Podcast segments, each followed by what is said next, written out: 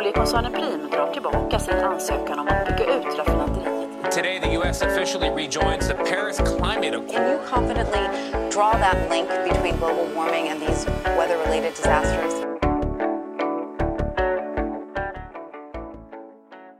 Det här är ytterligare ett avsnitt av Planet och politik med mig, Lorentz Tovatt. Eh, Preem Raff eller Preem Wash. Eh, vi ska prata om greenwash eh, i det här avsnittet. Eh, och det gör jag med Gustav Martner som är Head of Creative på eh, Greenpeace Norden. Eh, vi kör igång.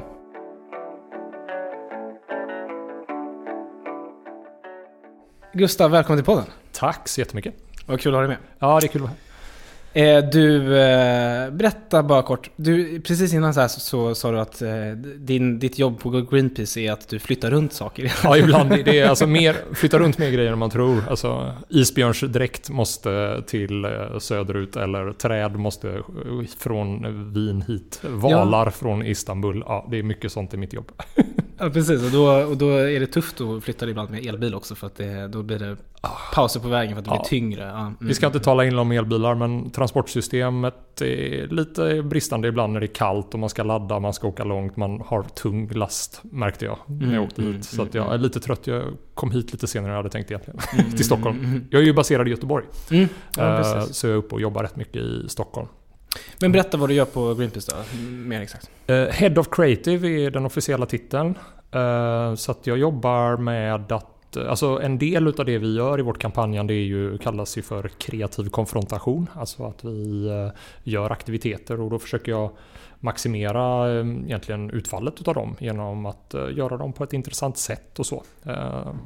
Så det ingår i mitt jobb. Men sen så har jag ju också ett område, eh, det marknadsregulatoriska eller det juridiska runt eh, marknadsföring och reklam och så. Eh, Och det området jobbar jag också med. Och det, Och det är ju mycket det vi ska prata om, alltså det vill säga greenwashing precis, och allt sånt där. greenwashing, Ja. Och det är egentligen något som jag gör som ett komplement till att vara Head of Creative. Ja. För när jag jobbade i reklambranschen och digitalbranschen innan Greenpeace så var jag ganska engagerad i de här frågorna då. Precis, för du har, du har en bakgrund inom reklambranschen kan man säga. Ja, jag har drivit kommunikations- eh, digitalbyråer och jobbat på reklambyråer och sådär. Eh, jobbat både i liksom med svenska kunder men också internationella kunder. Eh, jag var kreativchef eh, för CPB Europa ett tag Mm. och sådär. Så jag har liksom hållit på på olika nivåer sådär. Och så var jag ordförande i Sveriges kommunikationsbyråer ett tag. Som Mm. med den här branschorganisationen. Och då blev jag ju väldigt bekant med eh, det, liksom det här självreglering, juridik och så, för vi var ju remissinstans då. Så då liksom kom jag lite in i den och det intresserar, har alltid intresserat mig mycket med ja, egentligen hur man bygger samhälle. Mm. Eh, och det är ju en del av att bygga samhälle. Det är kul, jag tänker att många ut- utomstående tänker sig att Greenpeace består av bara massa aktivister som eh, liksom eh, har den tydliga bakgrunden och sen så när man kommer och besöker er så är det liksom massa kommunikationsproffs som sitter. ja men det, Fast det är, Det är väldigt så, det är blandat. inte bara så. det är faktiskt en av de sakerna jag tycker väldigt mycket om med Greenpeace, att det är både och. Ja, och att, men också att man formas ju också eh, av, av att umgås med varandra. Mm. liksom så. mm. Så vi har aktivister som kanske är oväntat bra på kommunikation men vi har också kommunikatörer som är oväntat aktivistiska. Eh, själv är jag väl också aktivist eh, utöver det här då. Så Mm. eh, jag är Mm. med i aktioner och gör civil Mm. olydnadsaktioner och så också. Just det, just det, just det. Du, vi ska snacka green, eh, greenwash, eh, greenwashing. Ska Mm. vi börja? Jag tänker att ett av skälen till att jag ville prata med dig eh, om det här är ju Preemwash som ni har jobbat med. Mm. Alltså Preemraff och Mm. hela den frågan. Men vi kan väl innan vi går in, in på det så kan jag tänk, tänka att vi kan eh, bara säga lite, vad, vad, vad kan man säga om greenwashing? Vad är det för, vad är liksom fenomenet? Ja men det är, det är en bra fråga att börja med för att greenwash är ju egentligen inget juridiskt begrepp. Det är ju en, ett samlingsbegrepp för när man vilseleder om eh, produkter eller tjänster. Eh, Det typiska är att man vilseleder kring dess eh, miljöfördelar eh, då. eh, För att man vill tjäna pengar på det då. Och greenwashing används ju lite olika av olika aktörer. Jag tenderar ju till att använda greenwashing mycket inom reklam, marknadskommunikation och så. Mm. Men det används ju även för att beskriva till exempel politik. Exakt, Så, exakt. så, så greenwashing-begreppet. Gr- Greenwashing-begreppet kommer ifrån ehm, en essä som skrevs ehm, utav en miljöaktivist. eh, Där han eh, beskrev ett fenomen och han beskrev det genom att eh, han hade varit på ett eh, eh, hotell som byggde ut i en känslig natur. Eh, Och Mm. han, han var där för att eh, titta på detta och det skadade eh, ekosystemet runt hotellet då, men de ville ändå bygga ut.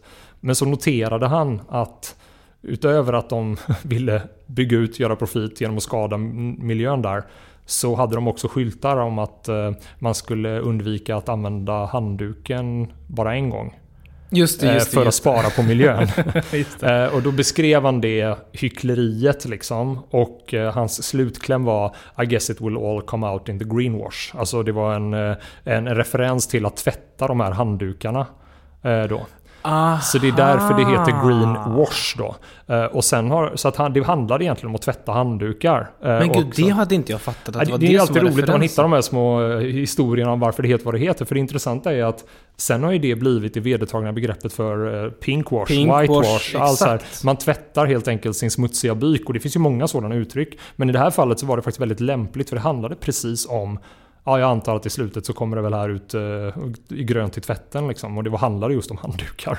Vad roligt, alltså man, man lär sig något nytt. Ja. Jag hade ingen aning om det här. Det var ju jättekul. Ja, okej. Eh, och, och uppenbarligen fanns det ett enormt eh, liksom, behov. Det är ju ofta så med uttryck som fastnar. Mm. Det är ju ofta att det behövs ett ut- sånt uttryck. Så den här essän och det uttrycket fastnade väldigt fort. Mm. Och sen dess har ju det då blivit väldigt använt begrepp då. Men juridiskt så är det ju inte ett begrepp, för det kan ju både greenwashing typiskt brukar ju inbegripa både saker som vi kanske måste tillåta, liksom rent eh, lagligt sådär. För att vi kan inte begränsa kommunikation hur mycket som helst. Nej. Men vi kanske ändå tycker att det är omoraliskt då. Det är ju en kategori.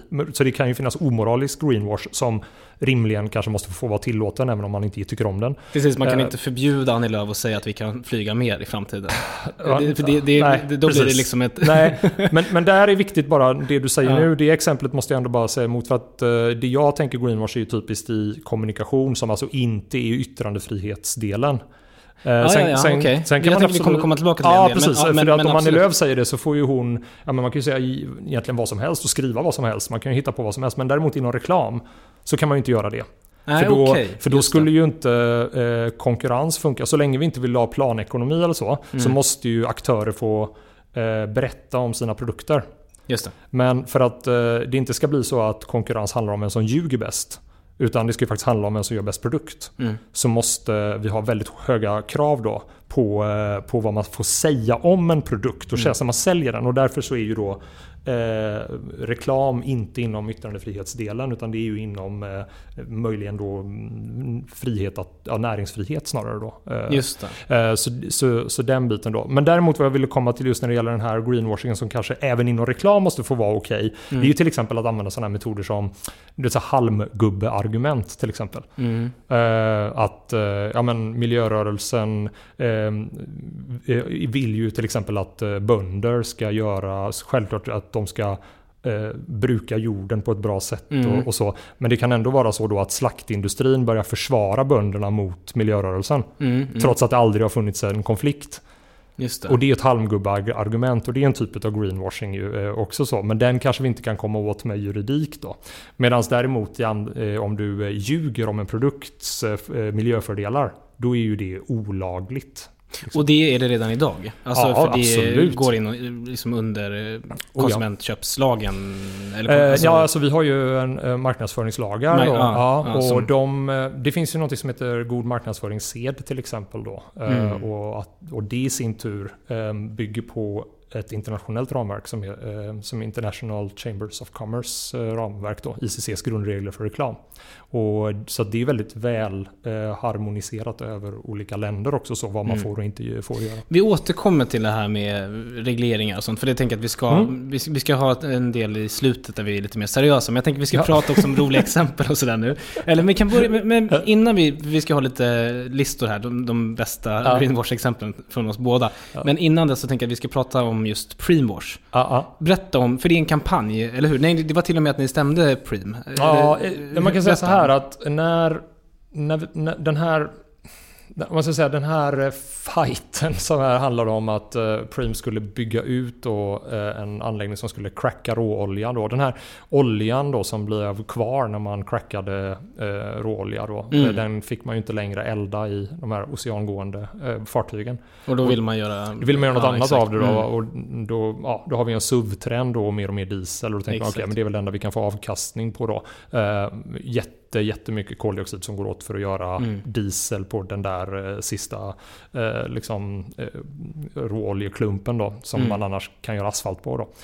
Ehm, så okej, då skulle- ville man bygga den anläggningen och insåg man att det här kan nog bli magstarkt eh, för politiker och allmänhet att eh, acceptera det här. Och då Vilket, det blev, vilket det blev ju. Oh ja, Ja. och då, då ehm, började man ju med ett kampanjande som man accelererar egentligen ett kampanjande som Preem länge har gjort. För även om Preem eh, det är väldigt, väldigt lite som handlar om till exempel tallolja som de lyfter fram. Då, så att det är kanske 99% av det man gör är fossila bränslen. Eh, 1% på sin höjd kanske har, är förnybart som det beskrivs som då. Och eh, det förnybara i sin tur är kanske hälften slaktavfall och eh, raps eh, en hel del också. Och så lite, lite tallolja där då. Mm, Och ändå så är 99% av all marknadsföring bilder på skog då. Som inte är nerhuggen än. och dessutom då. Eh, Och det hade man ju hållit på med rätt länge. Men utöver då den här eh, talloljebluffen då. Så accelererar man och dessutom började göra reklam som eh, inte handlar så mycket om att bygga Preems varumärke. Det var inga stora loggor så, utan man använde sig av sponsrat innehåll väldigt mycket. Mm. Eh, alltså sponsrade artiklar och så. För att mer påverka opinion. Och i de här ehm, eh, artiklarna, när vi började titta på dem, så hittade vi så fruktansvärt flagranta överträdelser. Mm. Eh, om de nu bedöms som reklam, vilket sen Konsumentverket tyvärr inte gjorde i så många fall. Eh, det kan vi också diskutera. Men Vänta, vänta. Så att de sponsrade artiklar men de gjorde det liksom på ett någon bakvägssätt. De, de gjorde liksom till exempel annonssidor i tidningarna där, där det framstod som en tidning så att det inte var tydligt att det var reklam. Eller var Ja. det den typen av metoder de Det, det, är använde? det är ett väldigt vanligt format idag. Det är, de här sponsrade artiklarna de används ju väldigt mycket av företag. Kan man som- komma runt reglerna då om man håller på på det sättet? Det eller? verkar så. eh, att eh, Konsumentverket gör väldigt eh, fördelaktiga bedömningar för de som greenwashar skulle jag säga. Ja, det kan, okej. Just på grund av det här jag beskrev då att yttrandefriheten är och ska vara väldigt generös. Mm. Men när man gör reklam så måste man vara oerhört eh, noga med eh, att det är sant det man säger. Mm. För att eh, det senare då, om man inte är då, då, då pajar man ju hela innovationssystemet, hela liksom, konkurrensutsatta marknader och så. Va? Mm. Så därför så hamnar man ofta i ett läge där vissa reklamenheter måste bedömas. Är detta reklam eller är det opinionsbildande material? För att eh, Ah. även ett företag måste ju få skriva en debattartikel till exempel. Just det. Och de här sponsrade artiklarna är jävligt kluriga för att de ser ju nästan ut som debattartiklar eller som... eh, Nyhetsartiklar med. Nyhetsartiklar är ju det de vill se ut som då. Men Mm. deras innehåll är ju definitivt inte skrivet med en god journalistisk sed liksom, Nej. på något sätt. Men eftersom de ser så mycket ut så och innehållet är så svagt kopplat till direkta köp, transaktioner och så vidare. Så trots att det står då annons lite grann högst upp då, Mm. eh, ganska svagt annonsmärkt då. Så är det ändå så att Konsumentverkets handläggare bedömde Preems sådana eh, som att de faktiskt var mer opinionsbildande än reklam. Och därför så, Aha. så eh, accepterade man till exempel rena lögner då. För i, till exempel i en av de eh, annonserna då, eller sponsrade artiklarna, så stod det till exempel att elbilar är inte alltid bäst för klimatet. Sa Nej, Preem då. det. Och så Just framhöll det. man att, eh, så, utan att ha något som backar upp det. Tvärtom har vi ju jättemycket forskning att det är ju definitivt eh, bättre med en elbil liksom, Ja, än, än en förbränningsmotor för klimatet. Eh, och hade det varit i en reklamenhet, då hade ju den eh, fällts så det visslar om det. Alltså, Eh, okej. Men nu då så valde man att säga nej fast här är nog yttrandefrihet. Och yttrandefriheten den tillåter ju dig att ljuga hur mycket du vill. Du, och det, det. Ingår ju i yttrandefriheten att du ska få hitta på vad du vill. Mm. Just det. Nu knöt vi säcken till Annie Lööf. Ja, exakt. Ja. Men okej, så de gjorde en ganska offensiv opinionsbildningskampanj. Ja. Slash reklam då, beroende på hur man Ja, vill se det. precis. Det var för många Mm. enheter. För sammanlagt Mm. så var det 50 enheter vi anmälde. Och det var allt ifrån reklamfilm där man eh, lyfte fram biobränsle till eh, de här sponsrade artiklarna som vi tyckte var väldigt graverande. Det var filmer som handlade om prepping. Och den i sin tur byggde ju på helt uppenbart att man vill eh, plantera rädsla hos folk. Att eh, har vi Mm. inget raffinaderi i Sverige så... Ja, just det. Där kommer jag ihåg att de ville spela liksom på de strängarna också. Ja. Det var väldigt tydligt. Man, man använde sig av preppers som på något sätt prototypar katastrofer. Ja. På ett lite roligt sätt. Som en infallsvinkel för att lite längre fram då i det innehållet sen börja prata Mm. med eh, energi, eh, alltså säkerhet Ja. och, och sådär. Och så börjar man prata, ja precis, Mm. och vad händer i krig då? Prepping, krig, alltså kunde Mm. man få bilder på folk som hade Mm. gasmask och så. Och i själva verket så är det olja som har skapat alla krig i världen. Ja, och Ja. man kan också Ja. fråga sig vad, vad är liksom, vilka katastrofer har vi sett? Eh, Ja, de kanske inte har lösts med att vi har bergrum med eh, fossila bränslen. Nej. Det har kanske lösts snarare med att vi har sjukvård. Eh, Om vi ser den Använder de. Gunde Svan i något av det här? Ja, de För- använder Gunde Svan i de här reklamfilmerna då. Vi använde 50 enheter Ja. och i de här enheterna, vissa av dem hade alltså flera överträdelser. Så att sammanlagt så var det alltså mer än 50 överträdelser. Vi hade olika överträdelser i olika enheter. Eh, Konsumentverket startade tillsynsärende på några av enheterna, nämligen de som de bedömde var reklam. Mm, mm. Och det var till exempel filmen med Gunde Svan. Mhm, Så mhm. den blev ett tillsynsärende för att Konsumentverket gjorde bedömningen att eh, det, det ser ut som att eh, det är bränsle som ni säljer, alltså en tydlig försäljning då, Mm, eh, med den här mm. enheten. Det ser ut som att den är gjord på eh, tallolja. Då. Mm. Och det är ju väldigt lite av vad ni säljer. Eh, det, det, man får en bild av att, Mm. eh, av att det är tallkottar och sånt där i, i bränslet och att det är väldigt bra och sådär. Eh, och det kan inte backa upp. Så det blev ett tillsynsärende. Det var ju dessutom det andra tillsynsärendet på väldigt, väldigt snarlik reklam då. Mm. Och då hade ju Preem sedan tidigare lovat att de inte skulle göra så här men de gjorde ju det nu igen då. Och så ni anmälde det här och sen så skapade ni en kampanj kring det kan man säga. Ja, vi, vi anmälde det och så gjorde vi en ganska ambitiös eh, ska jag säga, liksom rapport, en interaktiv rapport på webbsidan preemwashing.se där man Mm. kunde klicka sig igenom precis alla de här. Och det, det var ett hästjobb att göra det. Mm. Och ehm, jag kan förstå om folk tycker att det var oh shit vad ni drar på här. Men det var väldigt viktigt att göra det för att det har, har inte gjorts en sån översikt på hur en modern påverkanskampanj ser ut idag. Mm. Och om man då tittar på hur skogslobbyn jobbar så kan man se att det är samma struktur ungefär. Det är utomhuskampanjer eh, på stan med bilder och sådär som har ett syfte. Och sen har vi de här sponsrade artiklarna. Det kommer Mm. och så vidare. Så, att, eh, det, har, det är ju liksom lite utav den nya modellen som man jobbar med. Mm. Att man, eh, när, man, när man ska påverka. Så att en av anledningarna till att vi la ner det här jobbet från Greenpeace sida det var att vi ville belysa att så här ser modern påverkan ut. Eh, Och eh, det här kanske inte är vad som är så bra för vårt samhälle.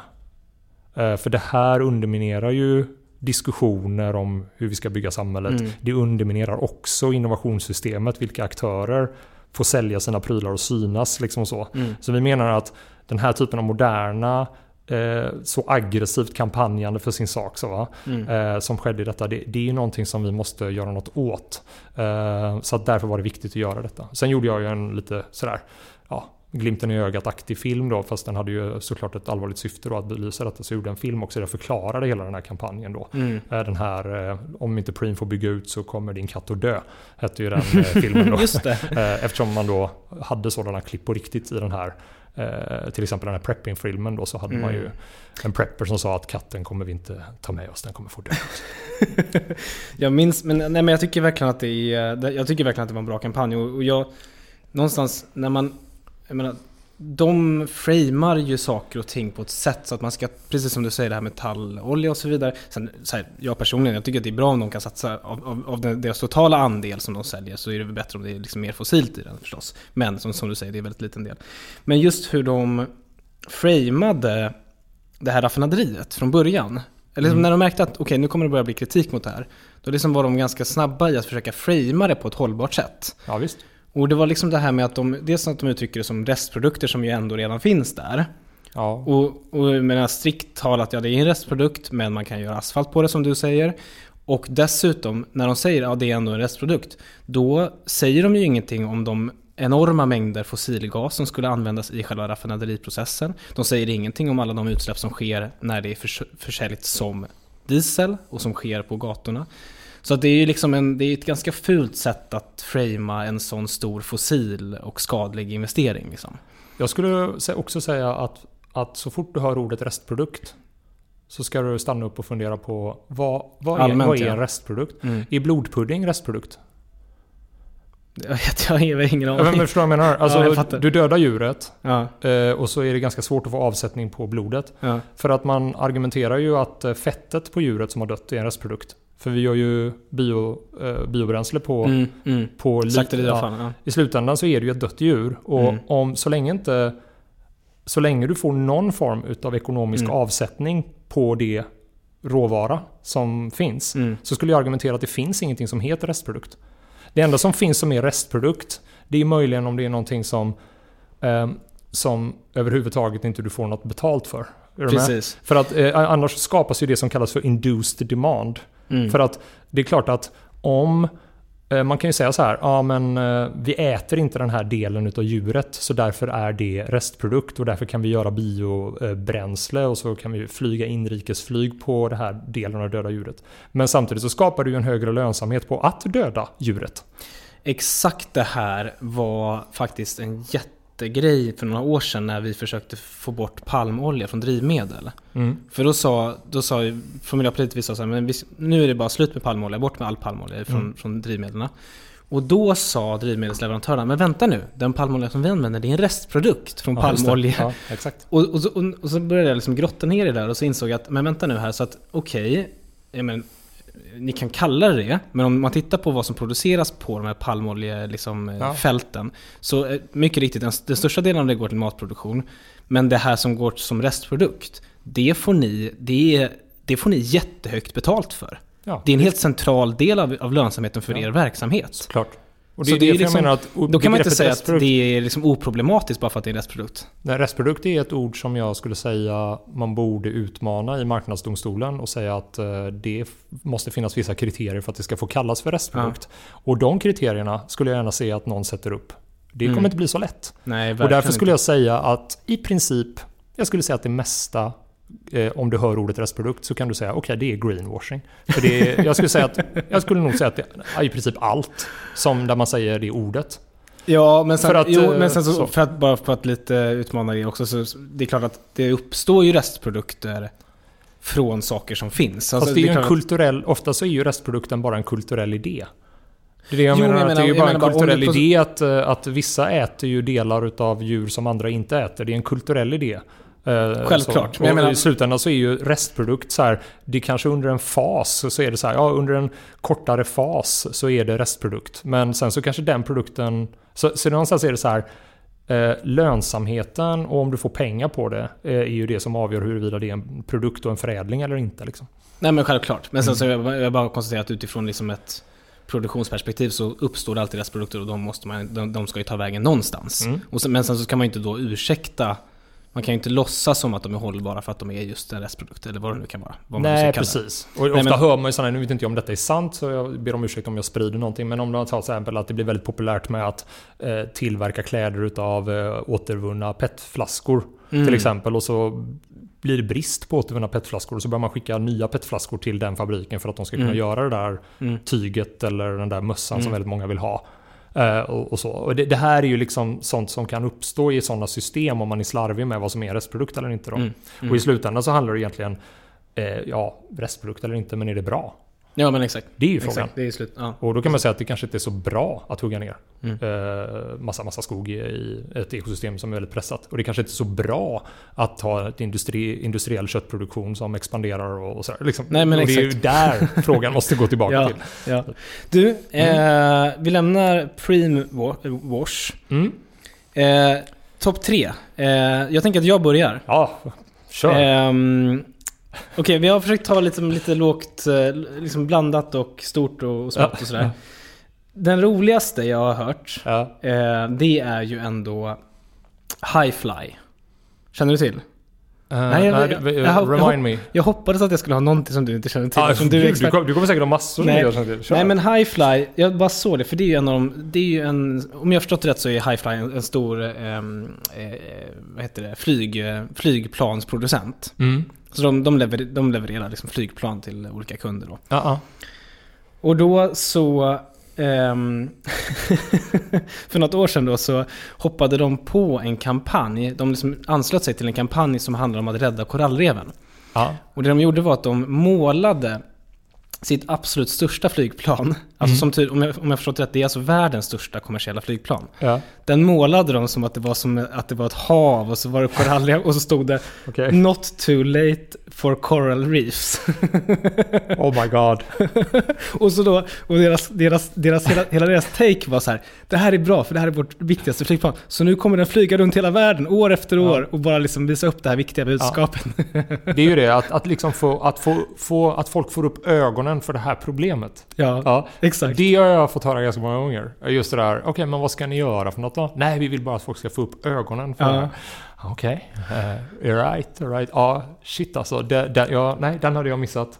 Det är nästan en ny nivå av liksom helt... Ja. Alltså hur, det är så fruktansvärt världsfrånvänt. Mm. Att bara vi tar vår absolut största jumbojet Ja. och så målar vi, den, målar vi om det till ett hav och så skriver vi.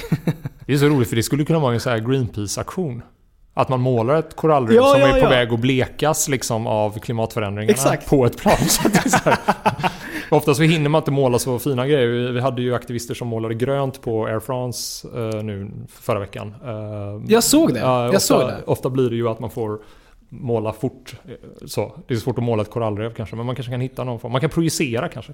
Ja, just det. Eh, precis. Men det är roligt när de gör jobbet åt en. Här sitter jag och, och ger dig idéer nu. Eh, ja, ja, men absolut. Herregud. Det, men det, det, det är väl bra. Eh, absolut. Vi kan liksom ge cred till dig. Men då, jag kan kontra då, just det där, Ja. vet, när för att vi kan göra så att vi, vi bollar. Ja, vi bollar. då. Kör din precis. nu. så, så jag kontrar där då att, okej, eh, ett, ett flygbolag då som gör i princip Greenpeace-grejer åt Greenpeace eh, för att de inte fattar ungefär så här. Eh, En annan sån rolig grej där en oväntad aktör dyker upp, det är eh, en sak som jag läste alldeles nyligen och det var att North Face fick en beställning ifrån ett litet, litet olje... Du får förklara Northway. North Face är kläder. Ja.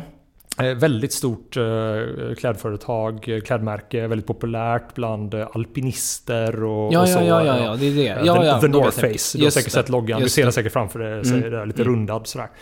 Och det är ju jättepopulärt och då, då var det en, en liten aktör inom den stora, stora oljeindustrin. Eh, säkert någon sådär underleverantör eh, och så.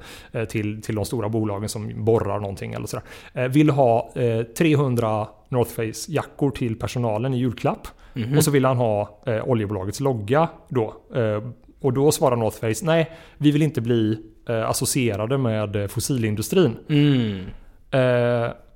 Och då ag- reagerar den här bara, men era kläder är ju gjorda på eh, liksom syntetmaterial som är gjort på just fossila eh, alltså råvaror. Ja.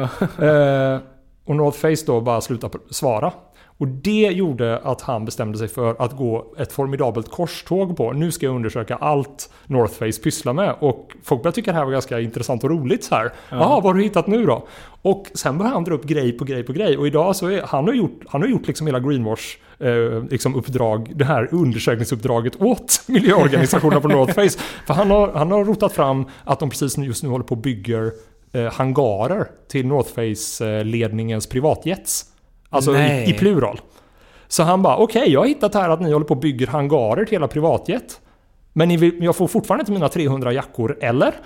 Och sådär. Och så bara, du vet, han, han rotar fram grej på grej på grej sådär. Och det är ju, apropå det här med lite oväntat eh, hjälp så, att, eh, att det plötsligt så får man liksom det här som, det är också sådär som Greenpeace brukar göra, att man sitter och du vet, rotar fram saker och ah, det har kommit ett bygglov ifrån de här, det här måste vi ut i, i du vet, i, allmänheten måste få veta. Då sitter den där oljekillen och gör det. Så oljebranschen synade liksom Ja. sina egna kunder Ja, deras, lite så. Just för att han inte fick sätta loggan då. Han blev förbannad helt enkelt. Och, och han gjorde också en ganska bra, tycker jag, mm, genomgång just. Så här, men vad är det som gör att folk kan köpa era kläder? Mm. Eh, de åker till Aspen. Hur tror du de kommer till Aspen? Liksom? De åker ju knappast dit i en elbil, eller? Mm. Och så du vet, börja peka på flygplatsen och sådär. Jag tyckte att han visade egentligen med sitt resonemang hela systemet och hur det måste förändras då. Mm. Hela hyckleriet. Ja, verkligen. Ja, ja. Okej, skitbra. Eh, min nästa då. Mm. Jag tror jag har skickat den här till dig. Eller om- jag skickade den till eh, Yrsa, som Mm, du har mm. det här rummet med på Ja, just Clubhouse. det. Just det. Mm. Eh, jo, nej men det, är- det här är ett aktuellt exempel, så det är, det Ja. är därför jag tänker att jag tar det. Det har ju varit en sån otrolig debatt kring kärnkraft och elmarknaden i Sverige. Mm. Mm. Och då finns det ett företag som har utmärkt sig för att vara väldigt, väldigt aktiva i det där. Mm. Eh, brödproducenten Pågen. Jaha. Har du eh, varit noterat Nej, det här? det här vill jag höra om. Ja. Nej men det är så kul för jag stötte på Pågen redan för ett och ett halvt år sedan. Mm. Och bakgrunden då var att Miljöpartiet tog bort en, liksom regeringen och Miljöpartiet tog bort en fossilsubvention till Mm. kraftindustrin, kraftvärmeindustrin. Som var, ja vi, vi höjde skatten på kol, alltså utsläppen helt enkelt. Ja. Det ledde till att eh, sista kolkraftverket lades ner i Sverige och att fossilgas fasades ut här och var. Eh, och en av responsen på det var att Pågens VD, som då heter eh, Anders Karlsson Järndal, gick ut och var helt rosenrasande kring det här. För då, då kunde inte de få tillräckligt med el till sina eh, bagerier, tyckte han. Okej. Eh, vilket var bullshit, de kunde visst få det. Så det Mm. var, ja. Men han var jätte, jätte arg över det och han ville då ha tillgång till den här elen som skulle produceras. Eh, och nu då igen, när det har varit en debatt, så har han gått ut och liksom eh, kallat Sverige för att, eh, att vi är ett u-land. Att vi håller på liksom, vi, vi har ingen el i Sverige, allt går åt helvete, bla bla bla. Eh, och, det, och då blev jag bara så här, men nu får det vara nog. Vad håller Mm. pågen på med? Vad är, det de håller, vad, är det som, vad är det som driver dem här? Och vad är det som... ja. Ja, ja. Eh, och då har jag liksom kollat upp det här. Och då visar det sig att eh, Pågen själva då i sitt hållbarhetsarbete eh, har sagt att vi har bara förnybar el i alla våra eh, bagerier. Oj. Och vår VD är rosenrasande på oss. Exakt, så vdn har själv då skrivit, han, han har alltså själv skrivit under rubriken, alltså ett eget kapitel i deras hållbarhetsrapport där det står så här, vi bryr oss om framtiden. Och så skriver han om hur de är så stolta över att de bara har förnybar el. Ja. Så då har de liksom köpt garanti på elen så att de ska få 100% förnybart. Men när det kommer till kritan så har han alltså liksom i offentligheten och liksom bakom stängda dörrar så har han lobbat för mer fossilgas och mer kärnkraft. Så Ja. det är liksom bara en helt, alltså han är liksom helt galen. Eh, ja, det är ganska vanligt dock att vara galen. Ja, jo, men det är Eh, I den branschen. Men han har fått så. mycket uppmärksamhet. Liksom Ja. när han varit ute och gastat att nu är Sverige ett u-land. Eh, Vi har ingen el till våra bag- bagerier, bla bla Mm. bla. Och sen så mot kunden så har de istället kommunicerat sitt, sitt hållbarhetsarbete och då säger de 100% förnybart. Det, det finns en sak i hela den här historien som jag möjligen skulle kunna tycka är så här eh, ehm, skönt. Och det är att det går att se att det är samma person som Ja. gör. För att i så många andra sammanhang så är det ju så här. Mm. Men man måste gå flera steg för att hitta den där lobbyingen. Alltså Exakt. Lite som eh, ja, men, Cementa eller sådär. Ja, men vi ska göra eh, betong som är sådär. Samtidigt som deras ägare lobbar Mm. i, eh, i EU. Ja, du vet, alltså, men så här ser, det ju, ser det ju ut hela tiden då. Mm. Eh, och, eh, men det kräver ju ofta så himla mycket arbete för att se vem som har lobbat var och sådär. Influence Map heter ju en organisation som gör väldigt mycket bra jobb inom det. Och hade man inte haft dem till hjälp så hade jag vet jag inte hur mycket jobb man hade fått lägga ner för att hitta eh, typ eh, hur ägarbolaget agerar i Bryssel versus hur de agerar i, i reklamen och så. Aha, Så influence map. Influence Map är en jättebra eh, källa för mig i alla fall när jag ska lägga de här eh, bredvid varandra. Liksom. Eh, om jag granskar någonting så brukar jag titta på, okej men vad gör ägarna? Vad gör Mm. eh, de i EU då? Så kan man para ihop det och göra en, en ganska bra eh, liten Mm. undersökning då. Men hade jag inte haft hjälp av sådana källor och i det här fallet så menar jag att eh, här får man ju lite hjälp av att personen faktiskt står och gastar.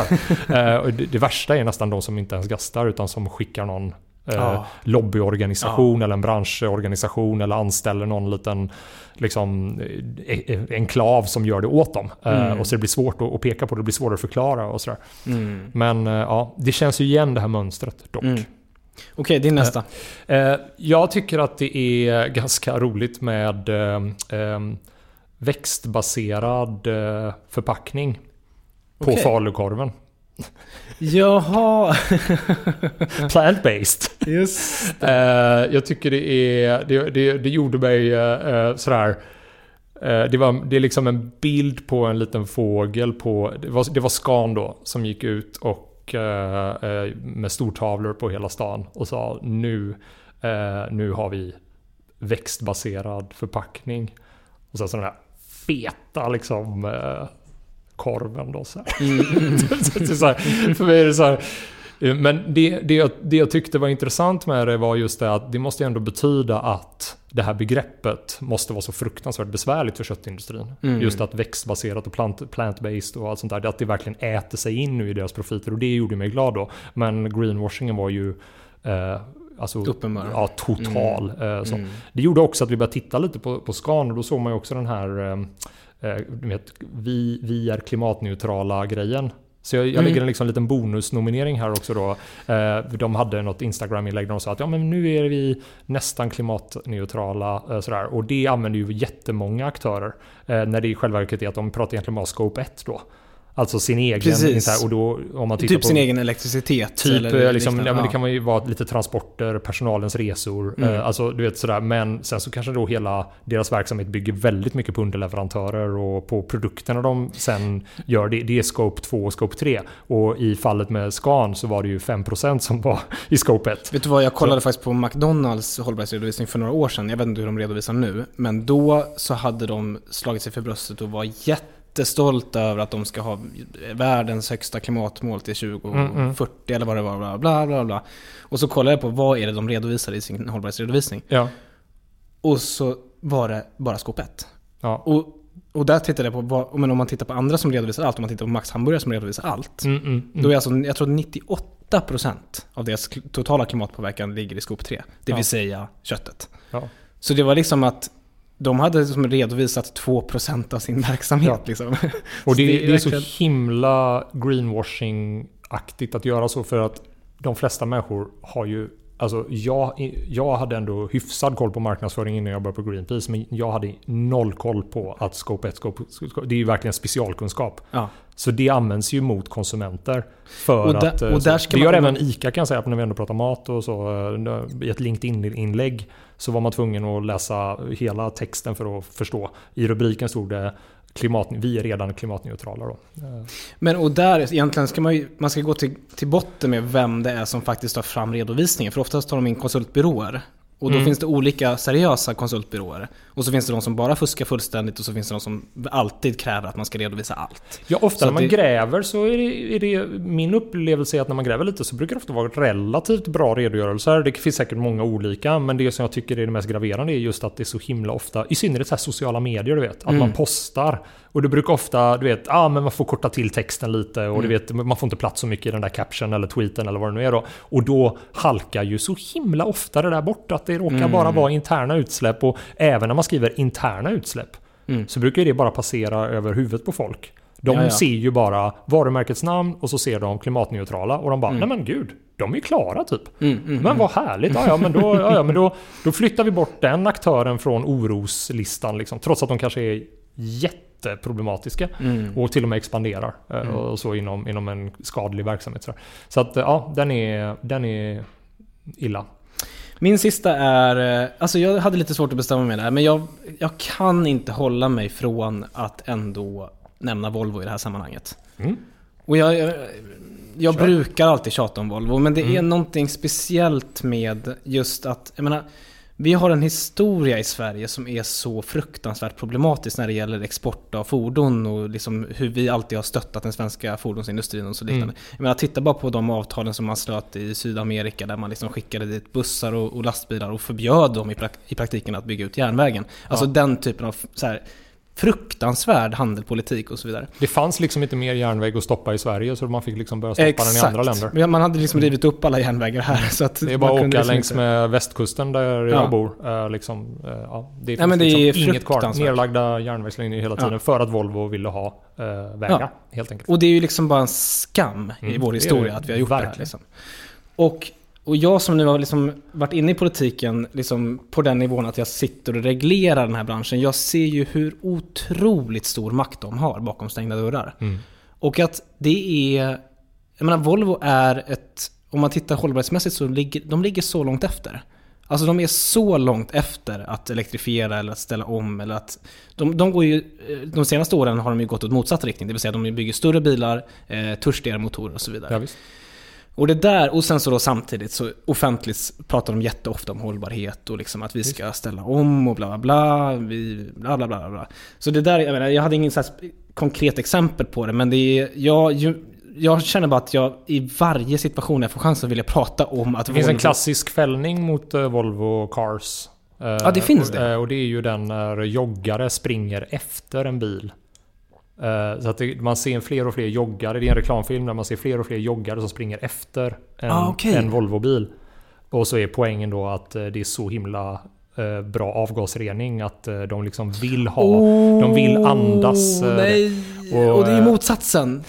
De är Ja, fuskar ja ju. alltså man, forskningen är ju tydlig med att det dör fler människor av partiklarna från förbränning av bränslen än av tobak. Mm. Eh, Vilket också är ett väldigt tungt argument för ett fossilreklamförbud. Alltså förbud Mm. mot reklam av... eh, det kan vi alltså. komma in på strax. Ja, men sist, din sista punkt. Men, men, där, men den, den blev ju fälld. Mm. Eh, Ja, det, var, det var väl ett lite så här, man tyckte kanske på marknadsavdelningen och reklamen att det var ett lite roligt sätt att visa upp då, reklam, den här nya avgasreningen. Och ibland kan jag känna så här, jag kan förstå sådana här retoriska poänger man gör när man sitter och skriver ett manus i en reklamfilm och sådär. Men i ljuset av de här enorma problemen så är det ju rätt magstarkt alltså. Mm, mm, mm. Eh, helt klart. Okej, din sista. Sen... Eh, då ska jag avsluta med en av de absoluta klassikerna i, eh, inom greenwashing. Och den här eh, tar jag upp mest för, eh, i och med att vi är lite så här historieätarna av greenwashing idag, kände jag nu. när Ja, ja, pratade. ja, perfekt. Och det är ju Chevrons, eh,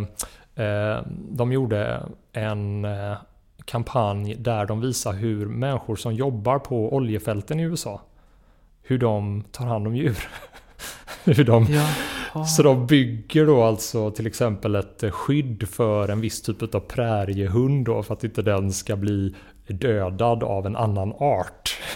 så, så det är så himla fint att de ställer upp för det är en art, liksom något rovdjur inte ska äta upp det andra djuret. Och så kommer oljearbetarna och bygger så här små skydd och sådär. De tar hand om fjärilar och alltså det är det är så, alltså, och så i slutet så ser man då eh, en oljeplattform. Och då är liksom argumentationen att de här människorna bor ju då vid de här oljefälten och, och de gör bra saker för djuren i närområdet runt oljepumparna. De, De kan inte fortsätta med det här bra som de gör om de inte får behålla sina jobb. Nej, Nej, exakt exakt. så. Ja, exakt. de, är liksom, eh, de är liksom delvis skogvaktare, delvis eh, oljearbetare. och. Eh, Och den är ju klassisk, alltså. Den är riktigt klassisk. Men jag tyckte den var intressant eh, just för att den var så lik det, här med, eh, du tog upp eh, McDonalds. eh, Och Ja, just att just eh, det. det var så likt det här med biwashing. Just att eh, man lobbar i EU för pesticides och att Mm. man ska bespruta vilket bara totalt wipe out eh, bipopulationer och sånt där. Och sen så sätter man en liten bikupa utanför en restaurang här, och säger bara vi räddar bina här. Just På eh, Rasta, liksom, eh, den här, ja, vet någon sån där Mm. eh, rastplats längs med motorvägen då. Så står det en bi, eh, biwashing då. Eh, och det liknade ju väldigt mycket den här klassiska Chevron-grejen. Mm, mm, mm, mm.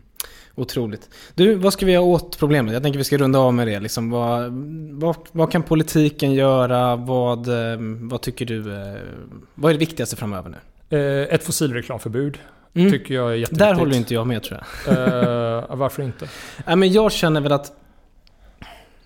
Ja, men jag tänker att även reklam är ju i någon mån... Eh, alltså även reklam är ju inkluderad i yttrandefriheten. Jag, jag Alltså, ska sen så- argumentera att det inte är det. Ja, Eh, men sen utan så det finns det, det finns ju regler kring reklam. Alltså det Mm. vill säga det finns regler om att eh, det inte får vara vilseledande och bla bla bla. Mm. Men att, att, att kunna göra reklam, tänker jag, är en del av yttrandefriheten. Och, och egentligen min poäng är inte nödvändigtvis att det vore så fruktansvärt farligt att inskränka det på det här sättet. Nej. Problemet är att dels en sluttande, liksom, eh, att det blir ett sluttande plan. Mm. Och dels eh, definitionsproblematik. Jag menar, Mm. bara för att ta ett exempel. Jag menar, om, om vi tänker, om, nu har vi snackat ganska mycket om bilbranschen här. Om, om man tänker sig en, en svensk bilproducent som vill sälja en gasbil. Mm. Och så vet vi att den här gasbilen är, kommer, om den rullar i Sverige så kommer den rulla på 98% biogas och det är bra för klimatet. För att det är, Mm. liksom, ja, men det, det är inte som andra biobränslen som är mer problematiska. Men den, den, här, den här gasbilen har ett, en tydlig klimatnytta i Sverige.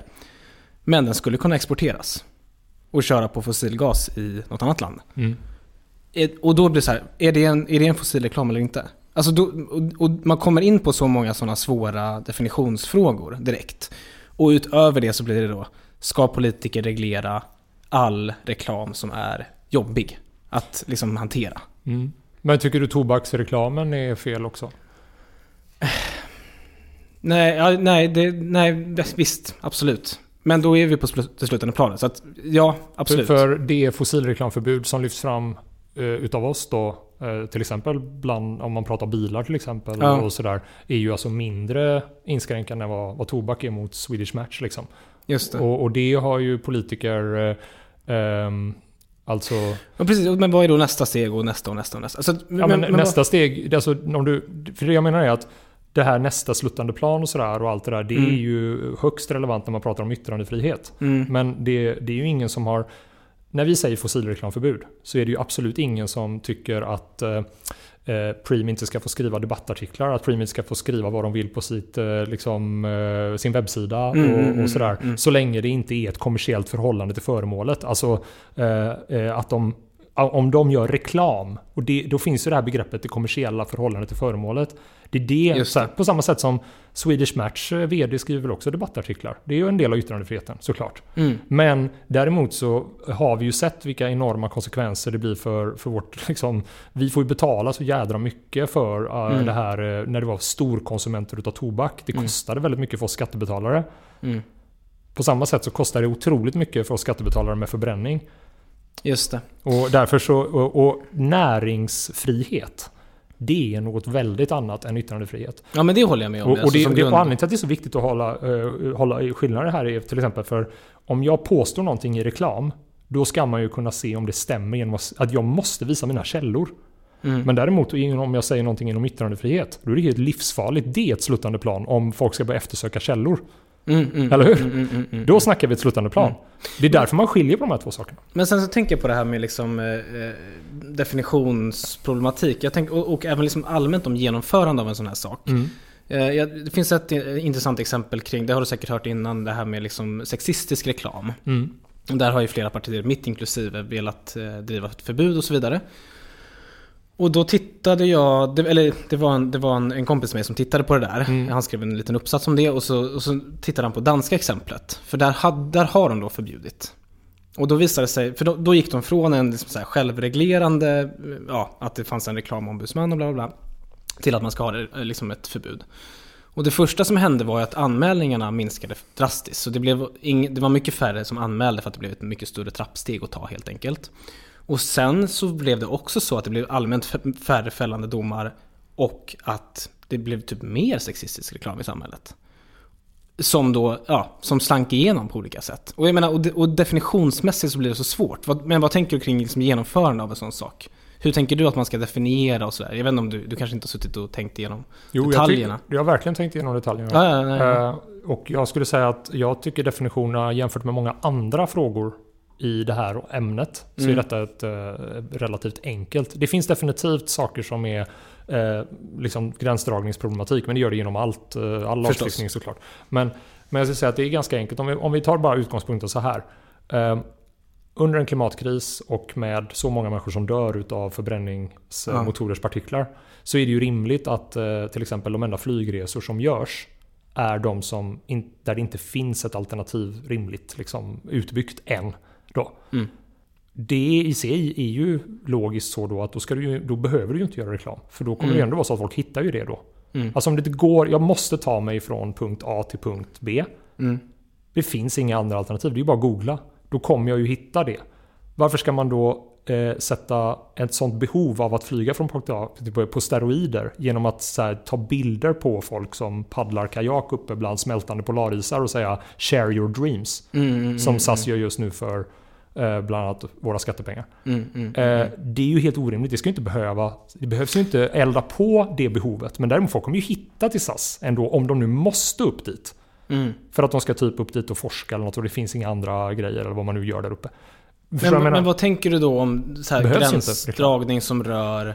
Ja, men, och det kan jag ju köpa som grundläggande argument och sådär. Men, men om man då tänker sig teknik som är ja, det låter ju alltid mesigt, men liksom övergångsteknik eller liksom sånt som kan användas förnybart men också fossilt och liksom Det finns ju massa typer av te, liksom teknik som är eh, Alltså jag är bara rädd att om man, om man genomför sånt eh, förbud så, så kommer de flesta bara kunna komma runt det på olika sätt. Ja men det har du rätt i att det definitivt kommer vara väldigt mycket kryphål som kommer utnyttjas. Eh, på samma sätt så hade ju tobaksbolagen sådana, eh, alltså det, det gick ju flera vändor.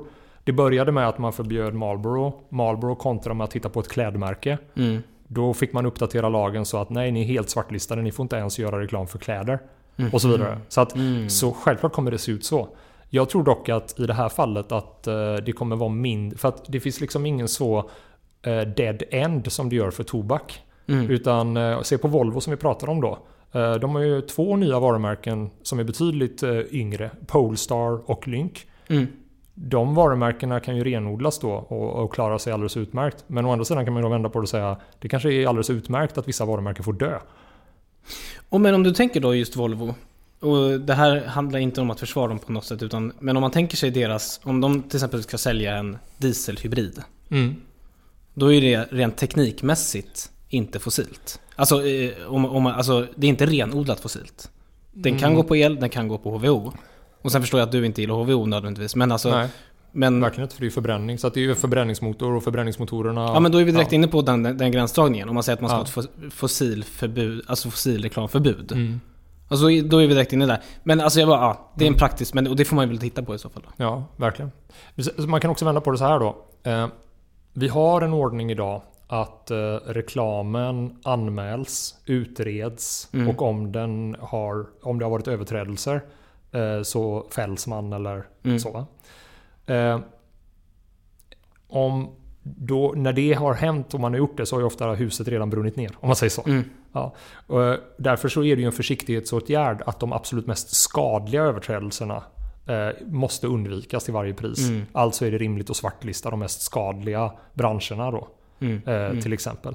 Men, och det menar jag är ett argument för eh, svartlistning av de mest skadliga branscherna. Mm. Och sen får de naturligtvis argumentera för sin sak på eh, om, om eh, de vill debattera och så vidare i yttrandefrihets, eh, yttrandefrihetens namn. Så ska de ju få göra det. Mm. Eh, men att göra reklam och köpa plats i det allmänna rummet tycker jag är... Var, varför då? Eh, det finns inget skäl. Om man tar bort de skadliga den skadliga reklamen så kommer ju den ersättas. Det är ju inte så att det kommer bli tomt på de annonsytorna. Mm. Utan det kommer komma något annat. Och vad kommer komma? Jo, bättre saker. Jag har ju... Vi leker ju mer med tanken om att liksom göra det som man har tvingat cigarettföretagen göra på själva alltså paketen. Mm. Alltså varningstexter och miljö, obligatorisk miljöinformation. Jag tänker Mm. att det är åtminstone ett, ett steg på vägen att, att liksom varna, så att säga. Ja, men det, man, om, man skulle, om man skulle ta liksom, eh, karbonkopiera tobaksbranschen så skulle ju många bolag vara svartlistade från att göra reklam och ha varningstexter. Ja, Alltså det. tobaksbolagen, eh, anledningen till att man har varningstexter på förpackningarna det är ju just för det att man inte kan ge, eller att man inte vill ge tobaksbolagen näringsförbud. Och någonstans är det så här, eh, du, om du gör ett totalförbud mot ett företag att göra reklam, då har du i praktiken gett dem näringsförbud. För att Mm. du, hur 17 ska du få någon att köpa din produkt om du inte ens får visa upp den i butiken att den finns? Just det. Alltså till sist blir det ju så här du måste gå fram och fråga då i kass ka- kassan så här.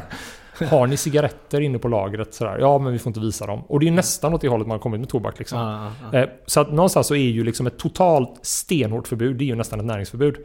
Jag argumenterar inte för ett totalt näringsförbud. Men däremot så menar jag att skadliga näringsverksamheter måste ha be- stora begränsningar. Mm. Och att de då inte får driva en onödig konsumtion. Det är en ganska rimlig begränsning Mm. för eh, de som har den mest skadliga typen av verksamhet. Mm.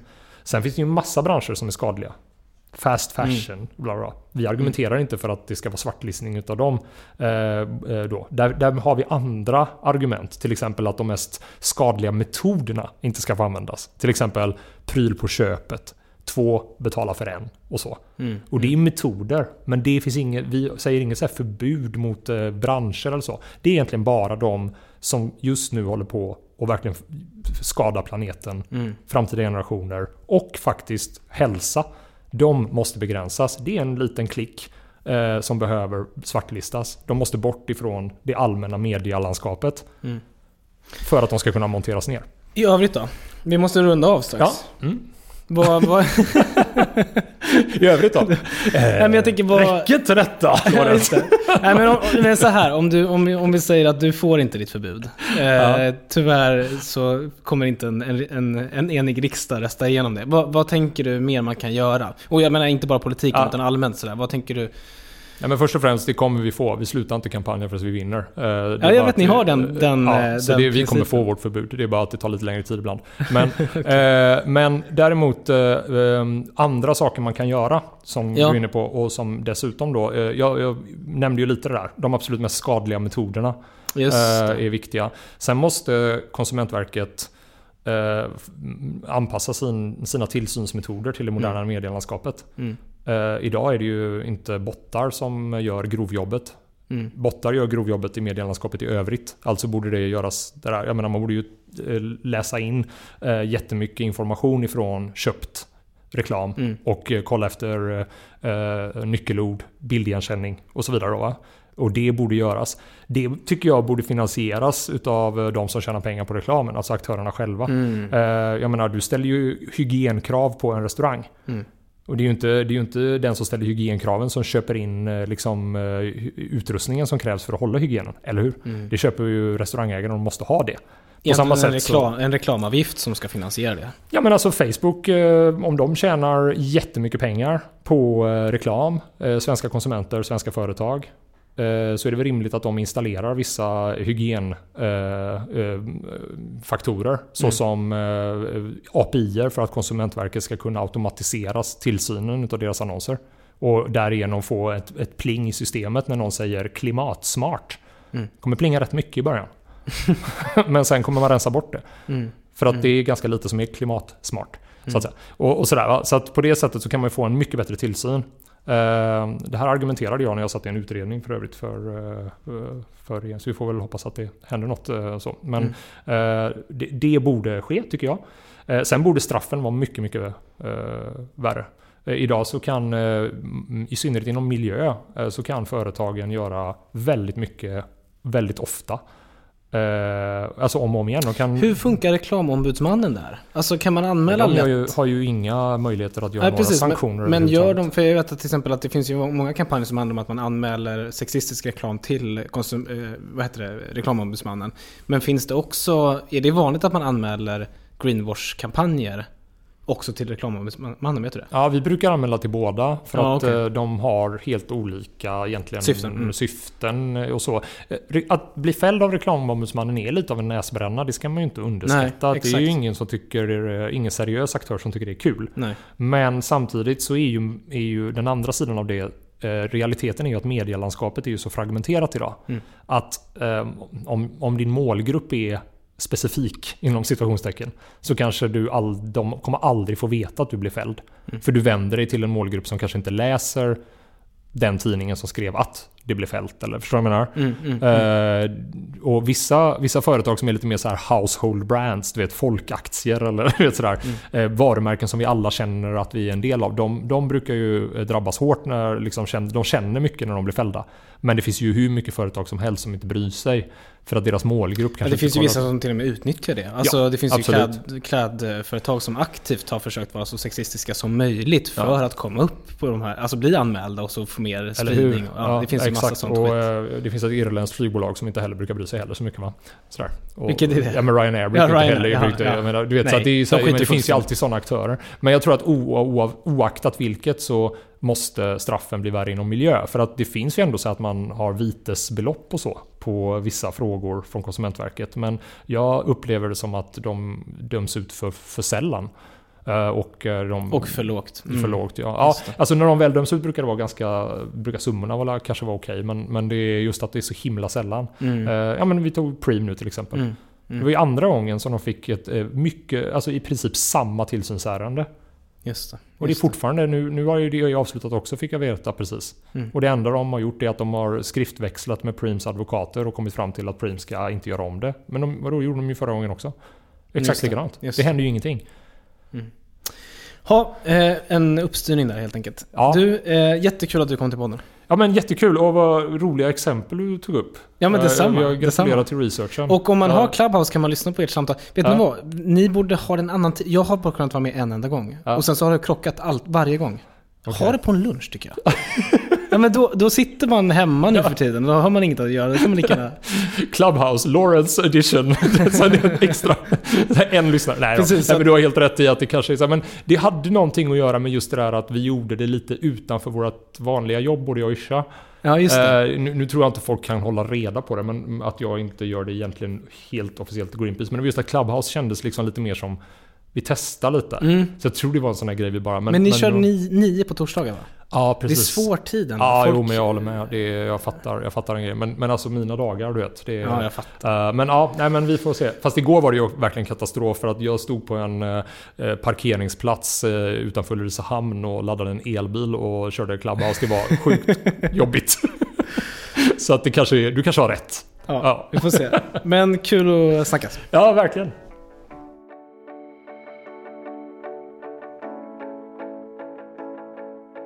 Tack för att ni har lyssnat idag. Eh, en sak som faktiskt inte är greenwash, det är ju att sprida den här podden. Så det kan ni ju göra om ni vill. Eh, om ni tycker att den eh, har något vettigt innehåll. Annars kan ni också höra av er till mig. Jag heter Lorentz Tvatt både på Twitter och Instagram. Och med det vill jag också tacka Christian Hanner som hjälpt mig med klippning och ljud och vignett och så vidare. Tack för att ni har lyssnat. Vi hörs igen om en vecka.